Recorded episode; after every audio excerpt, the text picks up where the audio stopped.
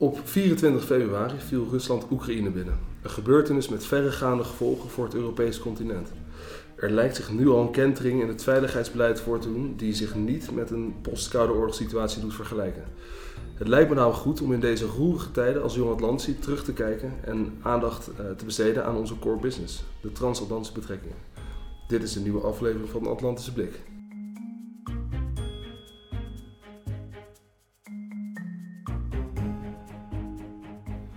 Tegenover mij is het niemand minder dan professor Dr. Jaap Verhul, universitair hoofddocent aan de Universiteit Utrecht en bijzonder hoogleraar transatlant transatlantische betrekkingen aan de Radboud Universiteit. Welkom Jaap. Ik heb je voor de podcast gevraagd uh, door je artikel over de Atlantic Charter in het Atlantisch Perspectief, het tijdschrift van de Atlantische Commissie. En ik moet bekennen dat ik jou kende doordat ik uh, ook in jouw minor heb gezeten, Transatlantic Studies. Je gaat in je artikel uh, in op de originele Atlantic Charter, die bedacht was door Roosevelt en Churchill, en kijk vervolgens naar hoe Biden en Johnson daarnaar verwijzen in de nieuwe Atlantic Charter. Het lijkt me interessant om ook bij het origineel te beginnen en daarna te kijken naar de recentelijke transatlantische verhoudingen, om vervolgens te kijken naar hoe dit tot uiting komt in het huidige conflict in Oekraïne. Dus eigenlijk dan de eerste vraag: van wat was de Atlantic Charter? Uh, ja, en wat was dan de setting waarin dit tot stand kwam? Ja, dat is een hartstikke leuke vraag, want ik vond het heel uh, erg interessant zelf om terug te gaan naar het begin, nu uh, de transatlantische betrekkingen zo actueel zijn. Uh, en de grap is dat dat Transatlantic Charter is getekend door Roosevelt en Churchill, nog voordat Amerika aan de oorlog deelnam. in een hele bijzondere setting. Ze, hadden, ze waren aan boord van, elk aan boord van een slagschip dat naar Placentia Bay was gevaren om een geheime meeting te hebben. En aan boord van een van die schepen hebben ze samen besproken hoe de naoorlogse wereld eruit zou moeten zien. Dat is hartstikke bijzonder, want Amerika was nog helemaal niet betrokken bij de oorlog. Maar, uh, dat betoog ik ook in mijn stuk, uh, Roosevelt was natuurlijk al lang van plan om de geallieerde zaak te steunen. En wist ook dat Duitsland het grote gevaar was. En zocht naar mogelijkheden om uh, Amerika aan die oorlog te laten betrekken. Aan die oorlog te laten deelnemen. Uh, maar het aardige is dat dit niet alleen een uh, bondgenootschap is tussen het Verenigd Koninkrijk en Amerika, maar dat ze een blauwdruk voor de naoorlogse wereld uh, daaraan verbonden, die voor een deels gebaseerd is op de 18 punten van Wilson. Dat zijn de voornemens van Amerika na de Eerste Wereldoorlog, maar tegelijk veel verder gaan. en het aardige is dat, hoewel dit dus een bilateraal overleg was, dit is uitgegroeid tot wat we nu de naoorlogse liberale wereldorde noemen. En dat is aan boord van dat schip midden tijdens de Tweede Wereldoorlog getekend. Ja, en wat was dan het sentiment wat heerste dan in Amerika? Want je, zegt dat, je zei dat Roosevelt dit wilde, maar hoe keek de rest van Amerika er tegenaan? Ja, dat is natuurlijk de hartstikke relevante context die heel erg lijkt op, uh, op nu een groot deel van de Amerikanen, eigenlijk de meerderheid, wilde helemaal niet dat Amerika in de oorlog betrokken zou raken. En dat was een hele sterke America First beweging. Die was uh, geleid door uh, Lindbergh, uh, de piloot die als eerste over de Atlantische Oceaan was gevlogen. en dat sentiment was zo sterk dat Roosevelt eigenlijk niet Amerika aan de geallieerde zaak kon laten deelnemen. Althans niet officieel. We weten natuurlijk dat hij wel wapens leverde en dat hij ook zorgde dat er uh, al op de Atlantische Oceaan een grote uh, waakzaamheid was. Maar Roosevelt voelde zich gebonden eigenlijk door het publiek sentiment. En dat lijkt toch wel heel erg op nu, waar een groot deel van de Amerikanen ook heel erg huiverig is ten aanzien van grote commitments over, uh, over zee. het feit dat Amerika zich uit Afghanistan heeft terug, teruggetrokken, is natuurlijk toch een weerspiegeling van die aarzeling. Nou, en Roosevelt wilde dat. En het Atlantic Charter was eigenlijk een schot voor de boeg, zou je kunnen zeggen, voordat Amerika natuurlijk officieel in de oorlog betrokken raakte door de Japanse aanval op Pearl Harbor. Maar het aardige is dat uh, je in dat Atlantic Charter al een aantal hele belangrijke principes kunt zien. En zoals één historicus uitlegt, is het eigenlijk een poging om de, de idealen van de New Deal te projecteren op de wereld. En daar bedoel ik mee dat uh, in een New Deal de overheid uh, veel meer verantwoordelijkheid krijgt voor wat er op, op economisch en sociaal gebied gebeurt in Amerika.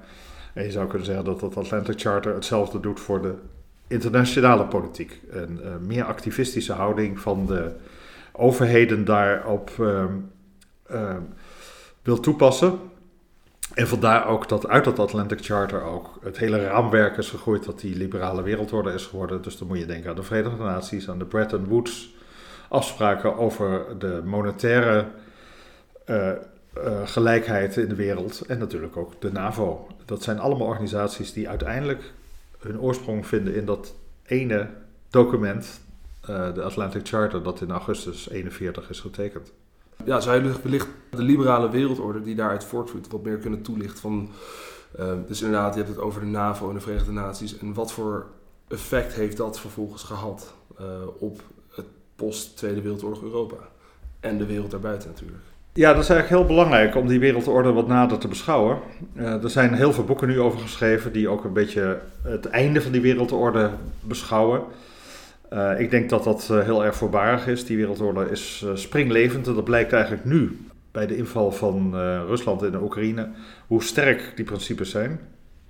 En een andere fout die je zou kunnen maken is dat je zou denken dat het alleen een soort geopolitieke orde is. Waarbij je eigenlijk als een soort riskspel de wereld verdeelt onder grote mogendheden. Ik denk dat het heel erg iets anders is. De, die liberal world order is een set van principes die de democratieën in die periode allemaal ondersteunen. Uh, die liberale wereldorde is niet alleen een aantal principes voor staatskunde, dus dan hebben we het over democratie, uh, de rechtsstaat en de vrijheid van meningsuiting. Maar het is eigenlijk ook een opvatting over hoe mensen met elkaar om moeten gaan. Dus het is de grond eigenlijk ook een culturele orde. Heel veel mensen noemen het een soort beschaving. Ik denk dat dat weer te ver gaat. Maar het is een soort het is een afspraak over hoe beschaafde landen met elkaar omgaan. En je zou kunnen zeggen dat uh, dat hele principe van democratie ingebed is in een veel breder uh, idee over hoe de wereld er na de oorlog zou moeten uitzien. Uh, en een van die aardige dingen is dat die liberal world order natuurlijk door de Koude Oorlog heel erg een westerse orde is geworden. Maar dat we heel lang natuurlijk de hoop hadden dat die wereldorde uiteindelijk ook zou worden gedeeld door onder andere China en Rusland. En wat je nu ziet is dat die twee landen zich steeds meer afkeren van de afspraken die gemaakt zijn na de Tweede Wereldoorlog.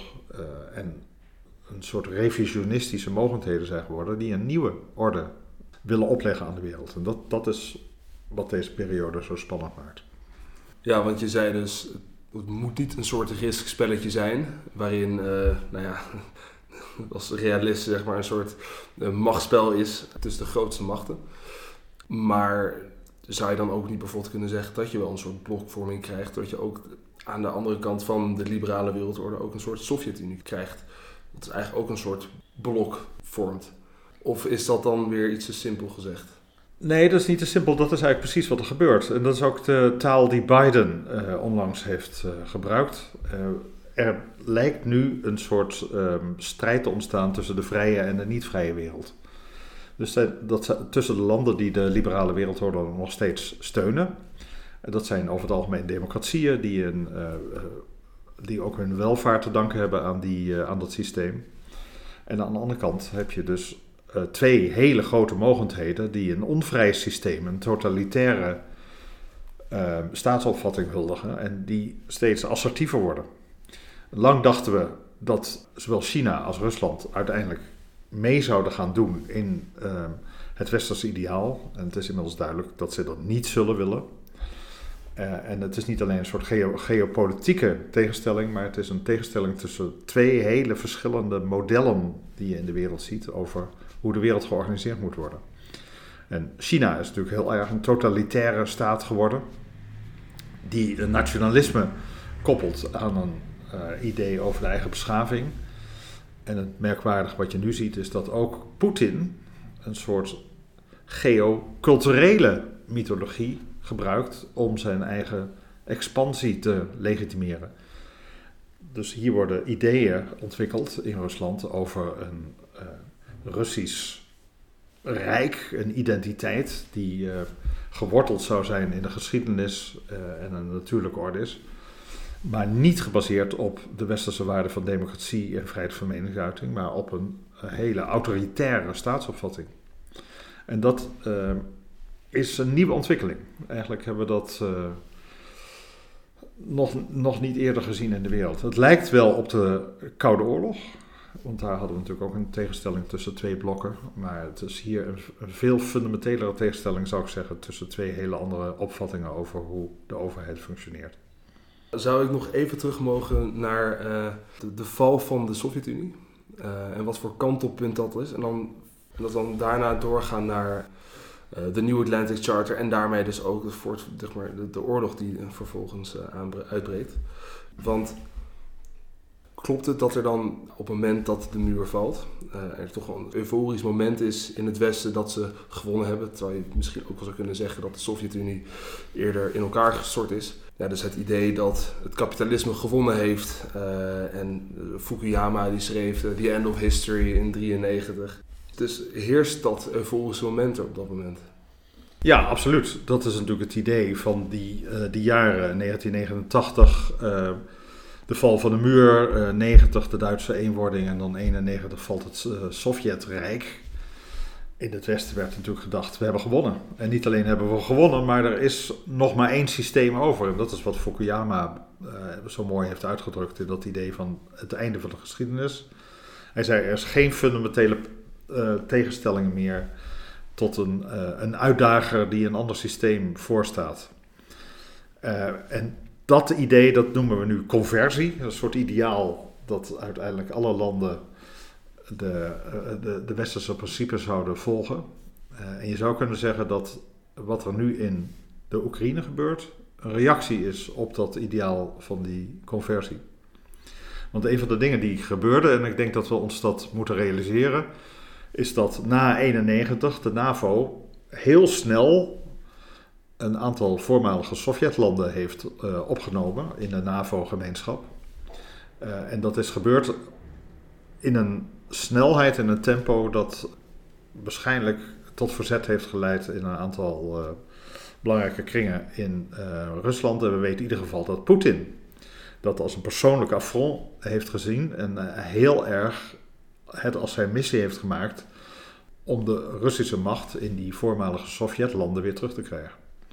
Het eerste signaal daarvan was natuurlijk de, de uitbreiding van de NAVO met Tsjechië, Hongarije en Polen, de, de Visegrad-landen. Dat is gelijk in 1991 al uh, in gang gezet, dat proces. Het heeft natuurlijk een tijdje geduurd, tot 2005, voordat ze werden toegelaten. Maar dit zijn drie hele erg belangrijke landen uit de Sovjet-sfeer. Polen, Tsjechische Republiek, Hongarije, dat waren uh, hele stabiele bondgenoten van binnen de Sovjet-Unie, van Rusland. Het feit dat juist die drie als eerste overgingen naar de NAVO heeft heel veel verzet opgeroepen. Je zou kunnen zeggen dat wat Poetin nu doet, is de geopolitieke macht weer terugkrijgen in, in die regio. En uh, er is een hele discussie over in hoeverre de NAVO toezeggingen heeft gedaan in die periode. Uh, en ik denk dat aannemelijk is in ieder geval dat de Russen geloofd kunnen hebben dat de NAVO beloofd heeft dat ze niet richting Moskou zouden oprukken. Maar dat is natuurlijk wel gebeurd. Dus de NAVO-expansie die is heel snel gegaan. En tegelijk moet je je realiseren dat de NAVO niet alleen geografisch is uitgebreid, maar ook de, de, de missie van de NAVO is er heel erg uitgebreid. Dus van een defensie bondgenootschap is de NAVO in dezelfde periode natuurlijk ook uh, begonnen aan uh, buitenterritoriale activiteiten. Nou, die, die combinatie kan in Rusland als een bedreiging zijn opgevat. Dat kan ik me ook wel goed voorstellen. Denk je dan bijvoorbeeld ook dat Rusland, uh, dus de post-Sovjet-Unie, eigenlijk te weinig meegenomen is in het opbouwen van een nieuw uh, Europees veiligheidsbestel? Dus bijvoorbeeld de, de OVSE, dat, dat, dat blijft vervolgens een kleinere speler ten opzichte van de NAVO, ook wanneer de uh, Sovjet-Unie in elkaar is gedonderd, om maar zo te zeggen. De vraag is of die expansie door zowel de NAVO als de EU, want het zijn natuurlijk twee partners die hier samen hebben gewerkt, de, Russen in het defensief hebben gebracht en of we niet meer moeite hadden mo moeten doen, achteraf gezien, om de Russen mee te nemen in dat proces. En ik denk dat het antwoord daarop ja is, dat hadden we denk ik moeten doen. Uh, maar ik denk dat wij in Europa in die tijd zo druk waren met onszelf, dat we dat uh, uit het oog zijn verloren. Want vergeet niet, het is natuurlijk ook de periode waarin de oorlog in in voormalig Joegoslavië uitbrak. En we er zijn achtergekomen dat we dat in Europa niet alleen konden. Uh, en dit is natuurlijk ook de periode dat de EU zichzelf aan het uitvinden was. Die is natuurlijk pas in 1991 tot stand gekomen. En 92 in werking gegaan. Uh, en ik denk dat in die periode Rusland uh, niet heel erg prominent op de agenda van Europa is gekomen. En ja, achteraf gezien is dat misschien een gemiste kans geweest. Afschoon, ik moet zeggen dat er natuurlijk ook wel, uh, er zijn wel voortdurend onderhandelingen gevoerd met Rusland. Uiteindelijk is er natuurlijk ook uh, sprake van geweest zelfs dat Rusland onderdeel van de NAVO zou worden. Dat is natuurlijk nu onvoorstelbaar. Uh, dus die, die, die, dat diplomatieke verkeer is altijd wel geweest. Maar als je naar het grote geheel kijkt, denk ik dat de, de uitbreiding van de NAVO, wat ik overigens een heel erg goed plan vind, en dat is denk ik nu ook iets waar we heel dankbaar voor, voor kunnen zijn, maar dat die uh, in het machtscentrum in Rusland als bedreigend ervaren is. Want je zou dan natuurlijk ook kunnen, kunnen inbrengen van wat als de NAVO niet was uitgebreid. Wat als er dan gebeurt met die landen die zich dan ja, ja. Tussen, tussen die machten in had. Uh, tussen die machten in bevond. Dus zou dat dan ook niet een reden zijn om juist wel, dat het dan juist goed is geweest dat de NAVO is uitgebreid? Ja, ik, ik denk dat het een heel erg goed idee is geweest dat de NAVO is uitgebreid. Want een van de dingen die je nu kan vaststellen, de NAVO heeft gewonnen. Het principe van de NAVO, waar de NAVO voor staat, namelijk collectieve veiligheid, dat heeft gewonnen. En het feit dat zelfs Finland en Zweden nu overwegen om uh, deel uit te gaan maken van de NAVO, geeft aan dat dat een succesvol model is. Het is de langstdurende, uh, het langstdurende bondgenootschap. Maar het staat voor een heel belangrijk principe, namelijk van collectieve veiligheid. En ik denk dat het, feit dat die voormalige Sovjetlanden daar nu bij horen, de garantie uh, zijn dat er niet een heel groot conflict in Europa gaat uitbreken.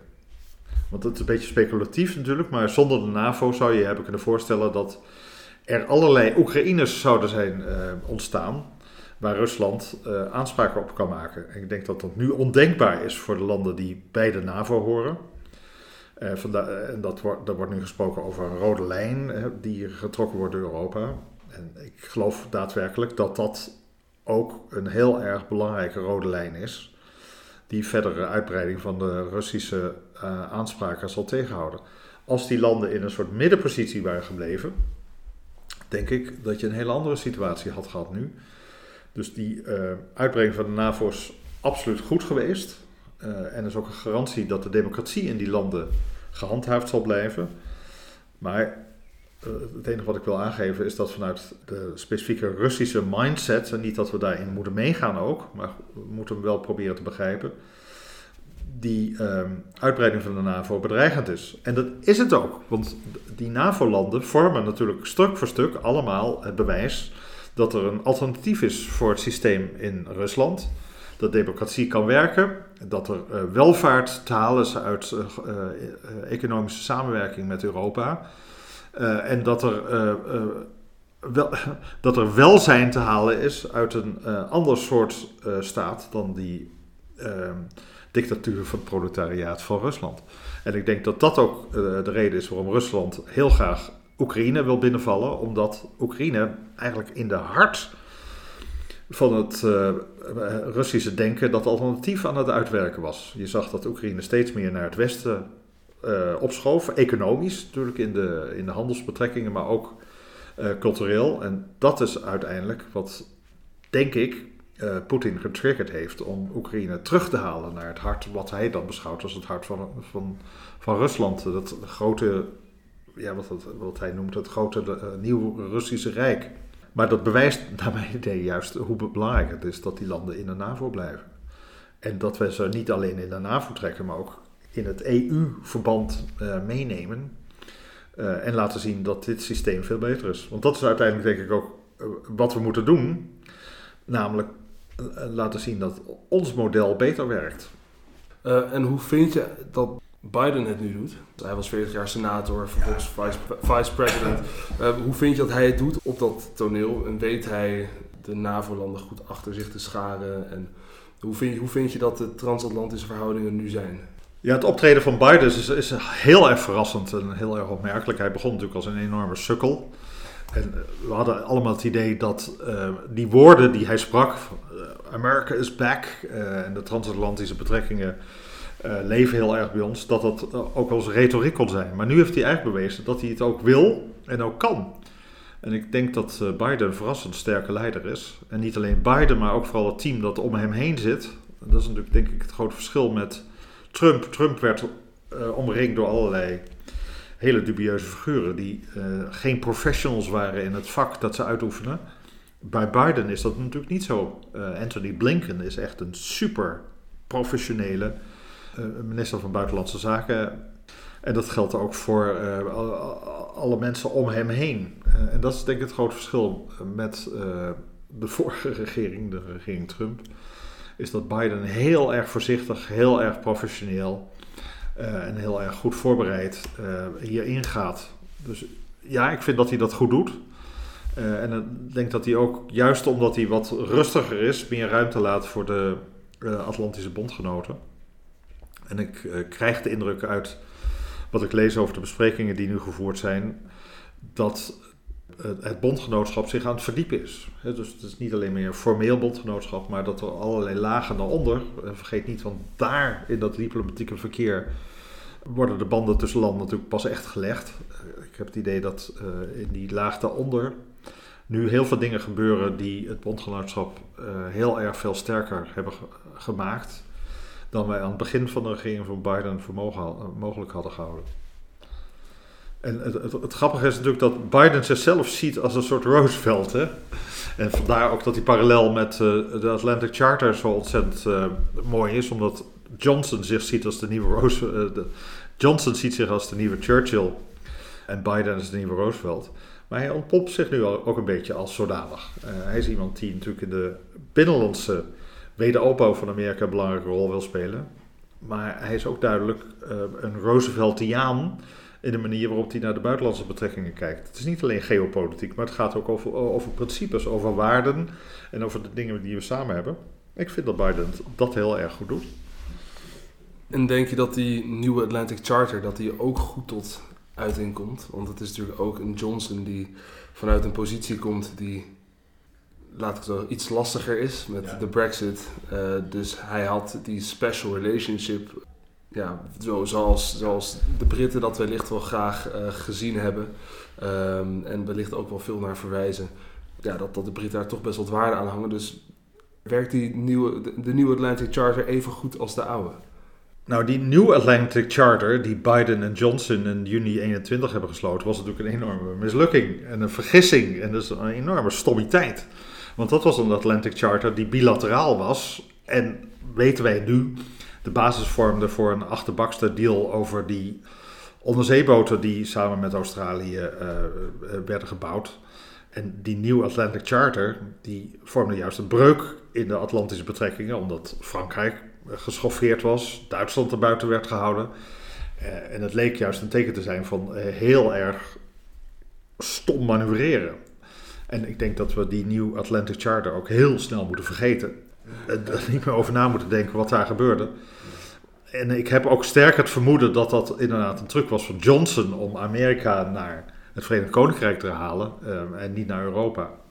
En Biden is daarin getrapt. En dat, uh, hoe dat heeft kunnen gebeuren, dat is nog steeds een, groot raadsel voor mij.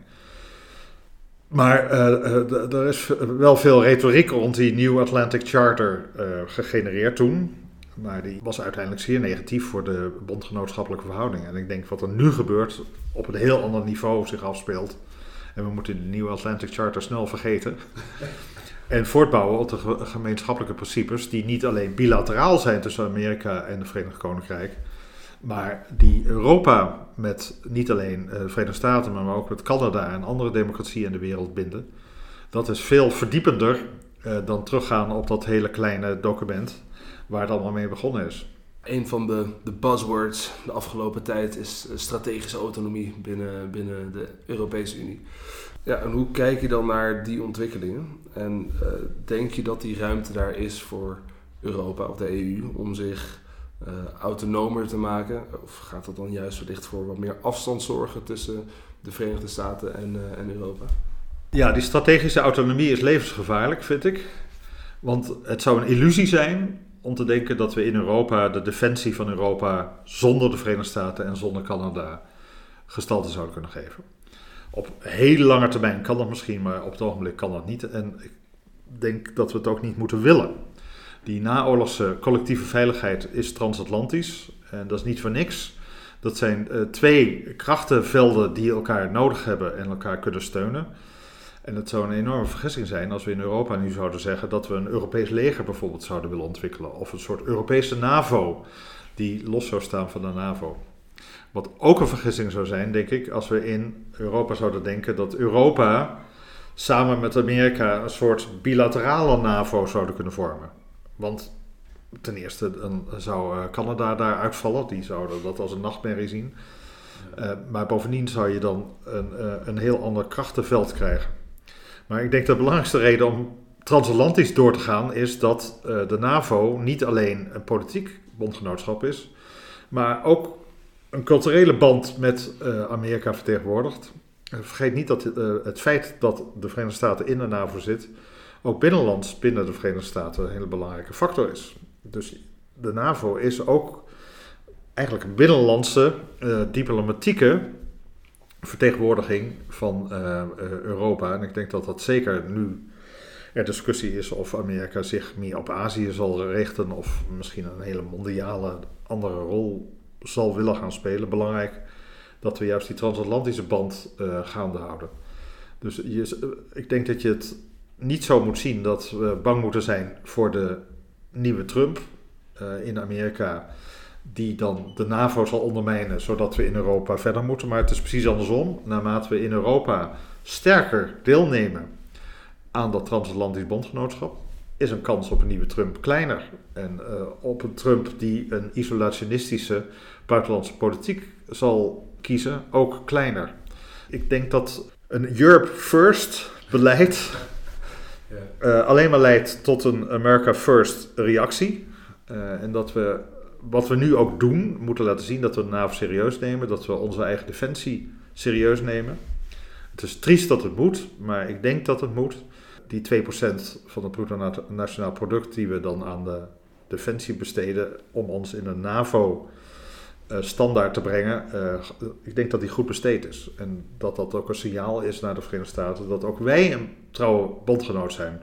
Want vergeet niet dat wij nu twijfelen of Amerika wel trouw bondgenoot is. Maar Amerika twijfelt al veel langer natuurlijk aan de bereidheid en de wil in Europa om de eigen defensie serieus te nemen. Dat is natuurlijk wat nu radicaal veranderd is. Ik denk dat uh, Europa wat dat betreft wakker is geworden. dat Amerika al eerder dat signaal heeft gegeven, maar dat we in Europa wakker zijn geworden en dat we doorhebben dat democratie kwetsbaar is. En dus dat we bereid moeten zijn, maar ook in staat moeten zijn om hem te verdedigen. En nogmaals, ik denk dat transatlantisch veruit de beste oplossing is. En een Europese eenheid krijgen op defensie is uh, veel lastiger, denk ik, dan dat nu binnen het bestaande, goed werkende transatlantische defensienetwerk te doen. Kijk, als je nou kijkt uh, naar hoe de Europese defensie dan gestalte zou moeten krijgen, ja. dan zie je bijvoorbeeld dat uh, Duitsland en Frankrijk daar hele verschillende ideeën over hebben. Frankrijk wil veel meer een Europees leger dat ook in Afrika bijvoorbeeld actief kan zijn, omdat ze daar allerlei belangen hebben. Duitsland wil dat per se niet en ziet de Europese defensie veel meer als een heel breed gedeelde verantwoordelijkheid voor alle Europese landen, terwijl Frankrijk veel meer een coalition of the willing wil aangaan als maar uh, de specifieke geopolitieke doelen gediend worden. En je zit natuurlijk ook nog met Eng Engeland, uh, het Verenigd Koninkrijk, is een post-Brexit factor hierin die uh, de opbouw van een Europees leger alleen maar zal compliceren. Uh, al die factoren geven aan dat het heel lastig zal worden om een uh, Europese consensus te krijgen over hoe die Europese defensie eruit zou moeten zien. En dan heb ik nog gelezen over Polen, Turkije en alle andere partners. Turkije niet, niet in de EU, maar misschien dan wel een Europese partner. Nou ja, dat is een als je de vraag alleen al stelt, dan, is dat meteen een puzzel die onoplosbaar is. Terwijl in NAVO-verband hebben we dat eigenlijk in de loop der tijd leren oplossen. Ja. Ja. Dus dat is wellicht wel van belang dat we in ieder geval iets meer op onze eigen benen kunnen staan, maar wel binnen dat NAVO-verband. Want Op het moment, stel, stel dat deze crisis iets minder wordt, neem ik aan dat we weer kunnen verwachten dat de VS weer zijn pijlen gaat richten op de andere, aan de andere kant van de oceaan, uh, weer op China. Of is dat iets te simpel gezegd en blijft de aandacht hier nog wel uh, in Europa? Het is heel lastig om dat uh, te voorspellen. Maar stel dat morgen Poetin sorry zegt, het leger terugtrekt en de dreiging plotseling verdwijnt. Of stel dat na een paar jaar er een soort stabiliteit ontstaat die ons gerust kan stellen. Dan zou je inderdaad kunnen voorstellen dat de Verenigde Staten weer andere prioriteiten krijgt. Maar ik denk dat die prioriteiten er nog steeds zijn. Dat is natuurlijk iets waar we mee moeten leven. Dat de Verenigde Staten is een mondiale speler. Uh, Europa zal uh, zich in ieder geval moeten concentreren op de, de, regio waarin wij uh, actief zijn. Dus ja, dat is een, dat is een extra reden om in Europa inderdaad, zoals je zegt, ons deel in de NAVO goed te kunnen spelen. Het zal altijd een samenwerking blijven. We kunnen niet verwachten dat Amerika dat zonder ons doet. Maar we moeten ook niet verwachten dat wij het zonder Amerika kunnen doen. Dus dat, dat spel zal er zijn. Tegelijk, uh, zelfs nu, uh, zal Amerika uh, ook de, ja, de geopolitieke belangen in de regio rond China in de gaten blijven houden. En er is natuurlijk allerlei speculatie over of Taiwan niet het nieuwe Oekraïne zal worden. En dat is een speculatie die op dit ogenblik in de Verenigde Staten heel erg actueel is. Er worden artikelen over geschreven, boeken ik heb zelfs hele scenario's gelezen over hoe dat uh, conflict zou kunnen uitspelen en welke keuzes de Verenigde Staten dan kan maken. Uh, reken maar dat dat nog steeds op de agenda staat van alle beleidsmakers in de Verenigde Staten. Dus die zogenaamde draai naar Azië, die is gemaakt. En dat is ook een economische draai. En dat geeft ook aan dat China een hele belangrijke speler is. Maar ik zou het willen omdraaien. Ik denk dat China ook voor ons een hele belangrijke speler is. Uiteindelijk zal ook Europa de verhouding niet alleen met Rusland, die is nu heel actueel, maar ook met China moeten kalibreren. En ook moeten we ons bedenken of de uh, energieafhankelijkheid die we nu hebben ten aanzien van Rusland, of, of die niet een equivalent heeft van allerlei andere afhankelijkheden die Europa nu heeft ten aanzien van China. denk aan uh, aan technologie, uh, denk aan producten die we uit China krijgen, maar denk ook aan grondstoffen die uh, uit China moeten komen. Dus ik denk dat ook wij geopolitiek mondiaal moeten gaan denken en, en, niet ons kunnen beperken tot de, de eigen periferie, zou ik maar zeggen. En het trieste is natuurlijk dat Europa tot nu toe bijna niet in staat geweest is om die eigen periferie eh, onder controle te houden. Dan heb ik het over Noord-Afrika. Denk aan Libië. Amerika moest ons te hulp komen om dat te doen. Denk aan Joegoslavië. Oorlog in het hart van Europa. Amerika moest te hulp komen om dat conflict op te lossen.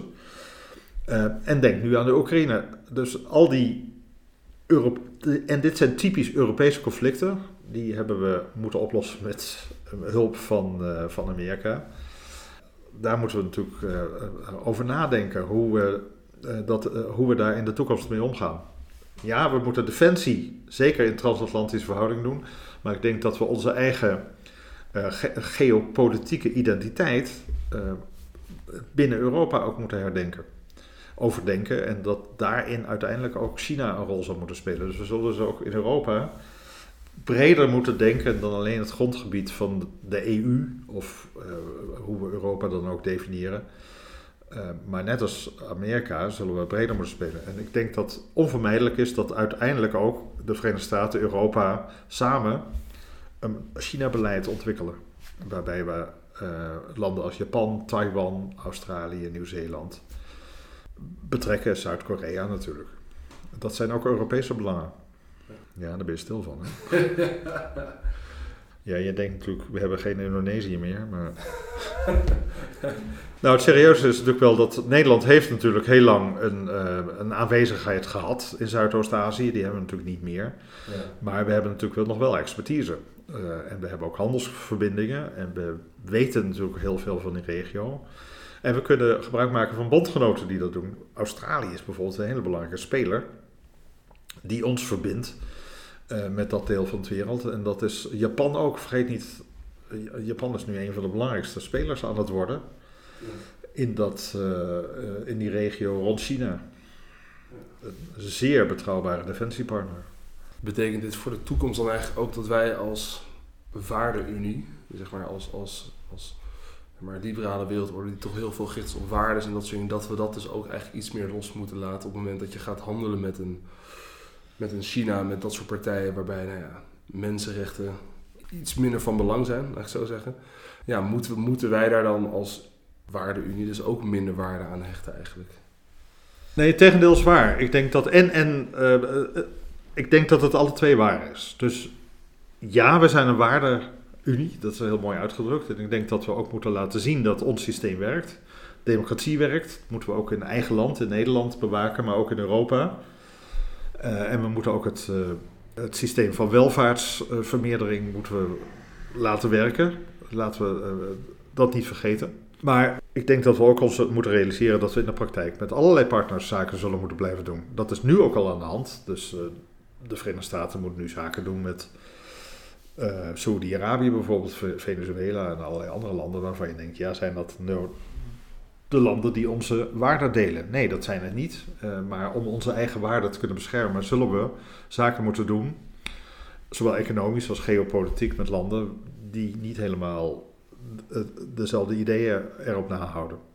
Maar ik denk dat we, ook al zouden we zaken doen met uh, een China dat Oeigoeren onderdrukt, laten we het maar gewoon noemen wat het is, onze eigen waarden daarin centraal moeten articuleren. En moeten zeggen, wij vinden verkeerd wat jullie doen, we handelen met jullie, maar wij staan voor een set van hele fundamentele waarden, democratie, mensenrechten, vrijheid van meningsuiting, die wij zullen blijven verdedigen. Dat wil misschien niet zeggen dat wij uh, ons gaan bemoeien met de binnenlandse politiek van landen waar we zaken mee doen. Tot op zo, zekere hoogte zullen we dat wel moeten overigens, want we hebben natuurlijk ook verantwoordelijkheden voor het tegengaan van uh, mensenrechten schendingen en van uh, oorlogsmisdaden bijvoorbeeld. Maar we zullen geopolitiek natuurlijk keuzes moeten maken. En dat betekent dat je soms uit twee kwaden zal moeten kiezen. Uh, en dat is zeker in die regio rond China het geval. En dat wil niet zeggen dat we onze waarden verkwanselen. Ik denk dat we die juist dan uh, hoog moeten houden, moeten articuleren, moeten zorgen dat ons deel van de wereld goed functioneert. Dat iedereen gehoord wordt, dat iedereen daar onderdeel van is en dat juist de Europese pluriformiteit het model wordt dat het antwoord is op uh, de autocratische regimes die we nu steeds krachtiger zien worden in China en Rusland juist de Europese diversiteit moet het antwoord zijn. Een volgende vraag. Belanden dan eigenlijk nu in een soort nieuwe koude oorlog? Dat is iets wat je nou, de laatste tijd vrij vaak hoort. Tegelijkertijd zou je dan natuurlijk meteen kunnen zeggen... de Koude Oorlog had je natuurlijk het Warschau-pact tegenover NAVO... twee grote spelers, terwijl nu nou, Rusland uh, economisch ten gronde gericht wordt... laten we zo zeggen, door de sancties ja, waar je eigenlijk het Westen, de NAVO en de EU, vrij sterk gezamenlijk ziet optrekken tegen een land met beperkte steun. Ja, dus kan je eigenlijk wel spreken van een nieuwe Koude Oorlog, of niet? Ja, ik vind nieuwe Koude Oorlog een hele vervelende term, omdat het een soort stationaire situatie suggereert. Ik denk dat je twee dingen daarbij moet bedenken. Namelijk dat de echte Koude Oorlog ook veel dynamischer was in de praktijk dan wij uh, geneigd zijn nu te denken. We denken echt aan die Berlijnse muur. En rechts en links daarvan, zou ik maar zeggen, twee uh, onwrikbare entiteiten. Dat was natuurlijk niet zo. Binnen het Sovjetkamp uh, was allerlei beweging. Maar vergeet niet dat vooral de Koude Oorlog ook een mondiale oorlog was. Waarbij in allerlei landen uh, strijd werd gevoerd uh, om principes, om waarden, om belangen en om militaire macht. En ook nu denk ik dat de situatie veel complexer is. Ja, het gaat om ons systeem van democratische waarden dat nu bedreigd wordt door een autocratisch regime. Dat is zo. Maar ook daarbinnen zijn uh, natuurlijk veel meer schakeringen die we niet volledig doorzien. Uh, wij hebben ge geen zicht op de binnenlandse opinie in, in Rusland op dit ogenblik en de diversiteit die daar misschien is. En het is ook nog te vroeg om te voorspellen hoe de relatie tussen Rusland en China zich zal ontwikkelen in de loop der tijd. Want in vergelijking met China is Rusland natuurlijk maar een kleine. Junior partner. Ja, een kleine junior partner met uh, de economie van de Benelux, geloof ik. En. Dus ik denk dat we dat ook niet. Uh, en het is een levensgevaarlijke junior partner, laten we wel wezen, met een uh, nucleaire macht. van, een, van een wereldmacht. Maar uiteindelijk is, het, is China natuurlijk veel belangrijker in dit spel dan Rusland. En we weten niet hoe die verhouding zich zal ontwikkelen. En ik denk dat daarin trouwens ook de regering Biden heel erg goed spel speelt. Hè, want die behouden de diplomatieke verbindingen open met uh, niet alleen met China, maar ook met uh, India en met Pakistan, met allerlei andere landen die daar zo meteen een rol in kunnen spelen. Dus net als de Koude Oorlog een veel complexer spel was met allerlei spelers over de hele wereld die verschillende posities en veranderende posities ook innamen, zullen we nu zien, denk ik, dat we allerlei verschuivingen uh, kunnen, kunnen verwachten. Uh, alleen ja, het is nog te vroeg om te voorspellen wat, uh, wat bijvoorbeeld China zal doen, hoe India zich al, zal opstellen, Pakistan, uh, om, om te zwijgen van allerlei andere landen. Dus ik, ik, denk dat, het, dat de Koude Oorlog een versimplificatie suggereert die geen recht doet aan, aan de enorme veelheid van belangen die daar spelen nu in dit conflict. Maar er is één ding wat ons natuurlijk wel doet denken aan de Koude Oorlog, en dat is de nucleaire dreiging, laten we niet vergeten. Dat is denk ik wat iedereen wakker moet houden. Tijdens de Koude Oorlog weten we nu, omdat de archieven open zijn, heeft de wereld op de rand gestaan van een nucleaire vernietiging. En er wordt wel eens uitgerekend dat er ongeveer 70 keer bijna de Derde Wereldoorlog is uitgebroken. Die elke keer 700 miljoen minimaal doden zou hebben gekost.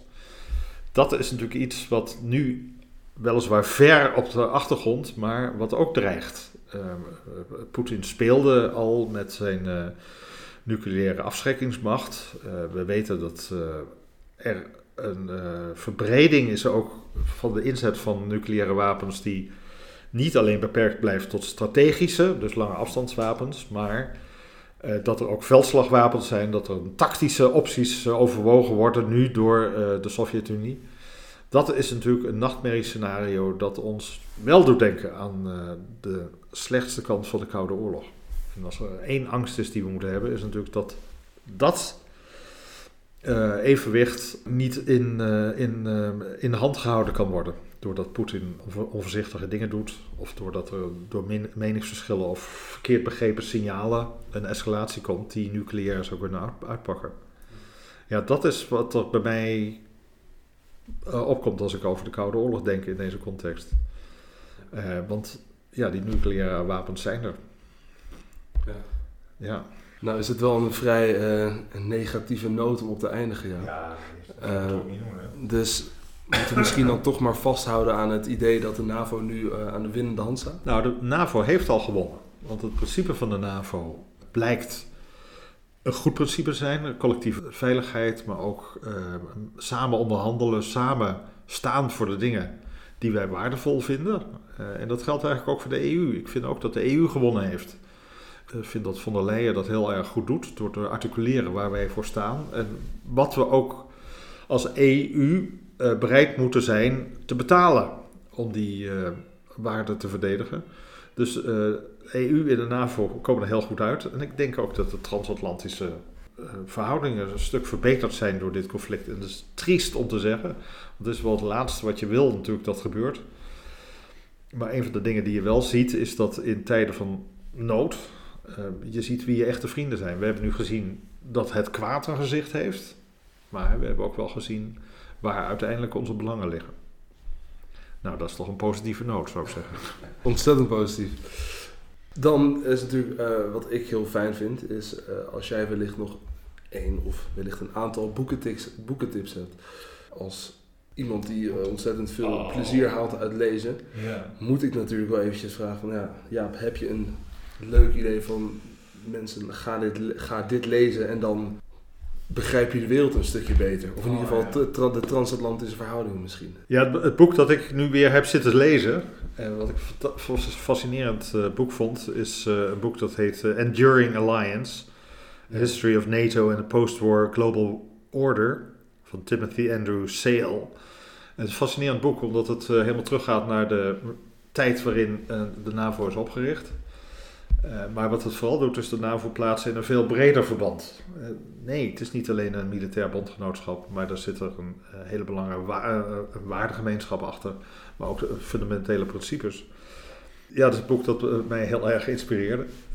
En wat, ik ook aan het doen ben nu is alle boeken van Timothy Snyder opnieuw lezen. Het zijn fantastische boeken natuurlijk over de gevaren die de democratie nu doorstaat. En hij wees ons er natuurlijk al een hele tijd geleden op uh, hoe ontzettend belangrijk waarheid is. en de rol van media en wij weten natuurlijk ook dat in de Sovjet-Unie vanaf het begin de waarheid is ondermijnd. En dat de geschiedenis is vervalst. En dat fotografie is gebruikt. En allerlei andere vormen van vervalsingen om uh, nepnieuws te verspreiden. Dat is daar begonnen. En helaas is het ook in andere delen van de wereld verder gegaan. Maar een, boek van Timothy Snyder dat plotseling ook bij mij naar voren komt is Bloodlands. Dat is een boek waarin hij beschrijft hoe de meeste slachtoffers tijdens de Tweede Wereldoorlog zijn gevallen uh, in de breuklijn tussen Duitsland en de Sovjet-Unie. Waarbij de Sovjet-Unie miljoenen eigen burgers heeft uh, gedood en uh, Duitsland natuurlijk heel veel miljoenen Joden buiten Duitsland heeft vermoord. Juist in het grensgebied tussen Duitsland en de Sovjet-Unie waar Oekraïne in ligt. Het is in de Oekraïne, dat beschrijft hij ook, waar een van de grootste massamoorden tijdens de Tweede Wereldoorlog heeft plaatsgevonden. En dat is ook niet voor niks, zegt hij, dat al die andere concentratiekampen in vernietigingskampen in Polen zitten. Dat zijn de Bloodlands, die de, ja, je zou eigenlijk kunnen zeggen, de breuklijn tussen twee imperia vertegenwoordigen. En daar moest ik aan denken, omdat eigenlijk in zekere zin Oekraïne weer klem zit tussen Rusland aan de ene kant en nu Europa aan de andere kant wel in een hele andere context. Maar ja, ik heb ook recent begrepen dat het, het woord Oekraïne uh, grensgebied betekent. En dat deed me heel erg denken aan wat, uh, wat Snyder, Timothy Snyder schrijft over de, Tweede Wereldoorlog. Uh, en dat helpt je wel iets meer te begrijpen hoe die landen letterlijk nu in de verdrukking komen tussen machtsambities en verschillende systemen. En, nu was dat in de Tweede Wereldoorlog natuurlijk anders. Want je had Nazi-Duitsland, de Stalinistische uh, Sovjet-Unie. Maar op, op, een hele andere manier staat uh, Oekraïne nu weer in de vuurlinie. Ja. ja, en het andere boek heet... The Road to Unfreedom van Timothy Snyder. Ja, tof. Nou, met deze boekentips in het achterhoofd. Ik, ga, ik heb in ieder geval weer wat leesvoer. Ja, Jaap, dan wil ik je toch hartelijk bedanken. Uh, en aan de luisteraars zou ik zeggen, vergeet je niet om je nog even aan te melden. Want uh, op 7 april is NATO Night in de Bali. Dat is ons flagship evenement. Um, ja, en daar hebben we een aantal sprekers uitgenodigd, waaronder Hester Somsen, uh, plaatsvervangend directeur van de NSTV, uh, Sander van Hoorn en kolonel Han Bouwmeester en nog, nog vele anderen. Uh, en we, gaan in op de geopolitieke uitdagingen en de hybride dreiging van de NAVO en het Westen in bredere zin. Uh, ja, wat voor uitdagingen allemaal te wachten zijn. Tot zover. Jaap, hartelijk dank. Graag gedaan. Volgende keer. Kom allemaal naar de Bali. Belangrijk. Dankjewel Jaap.